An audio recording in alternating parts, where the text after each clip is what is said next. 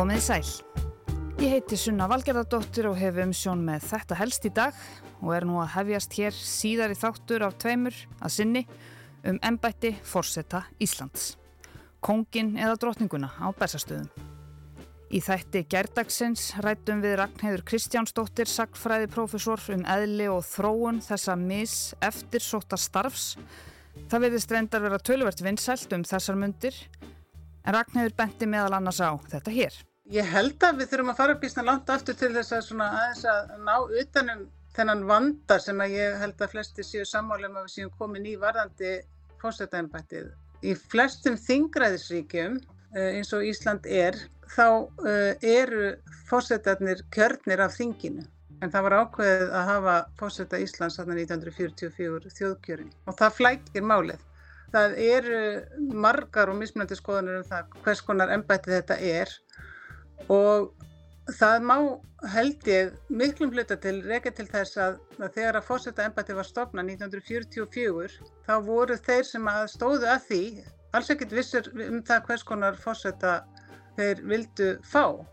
Og það sem var þá gert til þess að einfalda flókna sögu uh, var bara að breyta ákvæðum uh, í gildandi stjórnarskrá sem gerður ráð fyrir því að þjóðhauðingin væri konungur og setja bara orðið fórseti þar í staðin. Líðræðislegt royalty, bestastaða á búendurnir. Með rosalega völd eða voðalega lítil það fer allt eftir því hvernig þú spyrð. Allt um þetta í þætti gerdagsins. En í dag ætlum við að skiknast inn í framtíðina og sjá það sem býður okkar. Það verða tilkynningar um frambóð, frambóðs orð, rómar, slegnir út af borðum, nabbtógað fólk, legstundir, felda í hrönnum, vonandi verður vorið ekki of hlýtt. Menn koma að máli við menn og sumir koma bara að máli við sjálfa sig og láta það duga. Svo kemur fólk að lokum undan feldum, annað hvort með bjart sínis glampa í augum og nokkrar undirskriftir í fartaskinu eða hefur enn einu sinni áttað sig á því í kæfandi hittanum undir feldinum að það hefur ekkert að gera á bæsastadi. Ekkert frekar nú í ár en fyrir fjórum árum, eða átta árum, eða tólf. Svo verða nöfnin ljós og við höfum loks aftur öll eitthvað sameinlegt til að tala um. Eitthvað sem er ekki leiðinlegt eins og heimsfaraldur, verðbolga, flugeldar eða sorpirða. Gott og vel. En eins og Ragnhildur benti á hér áðan þá var stjórnarskráin okkar skjálfest í þjóðaratkvaða greiðslu fyrir næstum því 100 árum, reyndar akkurat 80 árum. Og fyrir 80 árum var Ísland örlítið öðruvísi samfélag en það er í dag. Fyrir 80 árum þurftu fórsetaframbjóðendur að sapna 1500 undirskriftum frá kostningabærum mönnum til þess að vera löggildir í frambóð. Og það er eins í dag, þrátt fyrir að næri fjórfalt fleiri sé á kjörskrá. Sumir bjóða bara 1500 manns í brúðköpu sitt í dag. Þeir eru líklega ekki margir en alveg öruglega einhverjir. Hugmynd fyrir ykkur sem eru að plana síðasta partíið áður en þið flyttið í kvítahúsið á Altanesi nýta gestabókina sem undirskriftalista. En hér er Ragnhildur aftur. Þröskuldurinn er lár eins og hefur fram, komið fram og lægri held ég heldur en að flestir þeir sem hafa verið að hugsa um breytingar á stjórnarskráni myndu vilja gera ráð fyrir þannig að það er ekkert ofsalega erfitt. Það er erfitt kannski að ná kjöri en, en að bjóða sig fram er ekkert gríðarlega erfitt. Það er ekki að vera kostnaðsamt. Við höldum áfram spjalli okkar í þætti dagsins og sömulegðis ætla ég að spila brot úr síðustu vikulokkum þar sem þetta var allt saman til umræðu og glugga í upplýsandi fréttaskýringu Brynjóls Þórs Guðmundssonar fréttamanns um úreldan undirskriftarfjölda. En við skulum byrja á því að skell okkur út í janúar skamdegið og kíkja í örstuta heimsó til kollega okkar á Suðlandsbrautinni. Þar sem fórsættisráð þeirra viðræði skoðanir sínar á fjölda meðmelandar sem fórsættaframbjóðendur þurfa að skila. Hún vil fjölga þeim eins og hún undirstreikaði í Reykjavík síðdeis á bylginni.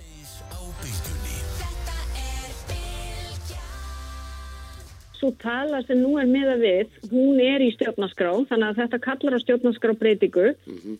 Ég læði frá frumvart uh, á síðasta ári, síðasta kjörtumabils, þar sem var meðal annars lagt til að við myndum breyta þessu, þannig að frambjóðandi til fórsetta þyrti meðmæli minnst 2,5% kostninga bara manna og mest 5%. Hvað væri svo tala þá há í dag? Já, það væri umtalsvert fleiri en 1500 mm -hmm. einstaklingar yfir landið allt. Mm -hmm. Það ætli séu margir kostningar bæri menn á Íslandi, það okkur er nú alltaf að fjölga, en þið sjáu það að það væri umtalsvert fleiri. Já, Mm -hmm. Hvernig var tekið í þetta? Um, ég held að þetta sé nú einan þeim breytingu sem væri mögulegt að mynda samstæðum en það voru auðvitað ymsa fleiri breytingar í því sem ég læði til meðal annars að það væri nýtt svo kvöldi forgangsröðunar aðferð þannig að fólk rafaði frambjóðundum þannig að það væri svona nokkuð skýr vilji og meiri hluti helst á bakvið þann sem inni það var uh, eftir tölugar að umræðum það hvort að við ættum að hafa tvær umferðir eða beita svona forgámsöðunar aðferð sem er alveg þekkt.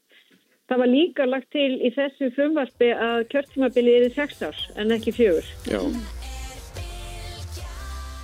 Sagði Katrín Jakobsdóttir hjá þeim Kristófer Helgarsinni og Hugrúnu Haldársdóttur í Reykjavík síðdeis á bylgjunni fyrir viku síðan.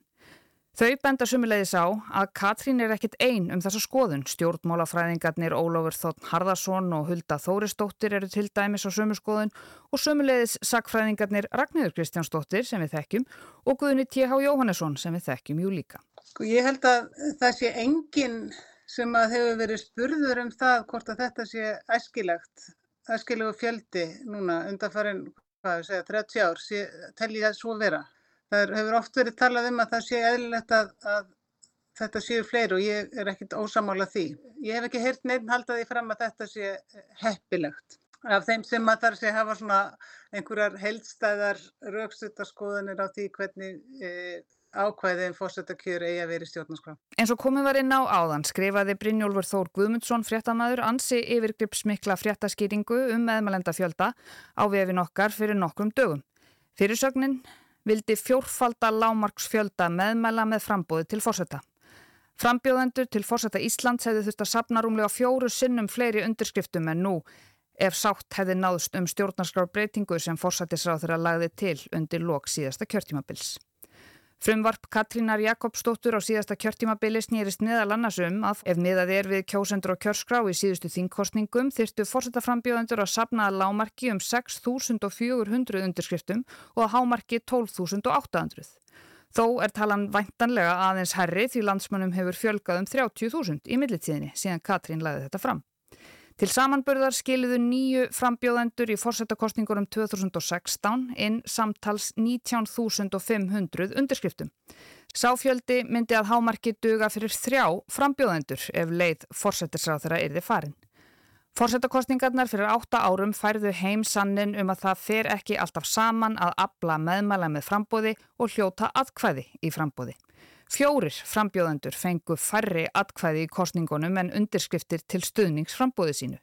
Hildur Þórðardóttir sapnaði fimm og halvri undirskrift fyrir hvert atkvæði sem hún hlaut. Hún hlaut bæði fæst atkvæði og læsta atkvæða hlutfall í sögu íslenskra fórsetakostninga. 0,16%. Ástór Magnússon sapnaði næri fjórum undirskriftum fyrir hvert atkvæði og Guðrún Margret Pálsdóttir þremur og halvu. Fyrir hvert atkvæði sem Elisabeth Jökulsdóttir hlaut í kostningunum aflaði hún næri einnar og halvrar undirskriftar. Hildur, Guðrún, Ástór og Elisabeth fengu öll færri atkvæði en undirskriftir. Þrjú fyrstu fengu öll innan við 1000 atkvæði, nokkuð sem hafði aldrei gerst áður. En öll fjögur fengu innan við 1% atkvæða á bylunu 0,16 til 0,70%. Áður hafði það aðeins gerst einu sinni í sögunni að fórsetta frambjóðandi fekk innan við 1% og það var Hannes Bjarnason árið 2012 með 0,98%. Þetta kemur allt fram í fréttaskýringunni hans Brynjóls og ég bendi hlustendum á að skoða endilega skýringuna á vefnum þar sem þar er að finna súluritt og alls konar sem erfitt er að lýsa í útvarpi. En ætlið að myndi breyta kostningabarátunni ef meðmælendum þið fjölgað? Klárlega hlýtur markmiði með því að hafa þröskuldin herri að vera uh, það að breyta öðli kostningabarátunum. Ég held að það er líki hlutar að segja að, að það að, að það sé erfiðar að þú þurfur að fá fleiri meðmælendur hlýtur að, uh, að markmiði þá hlýtur að vera að breyta þá öðli kostningana. Þannig að það séu kannski færri kjósendur í frambóði sem e, eru líklegri til þess að ná kjöri.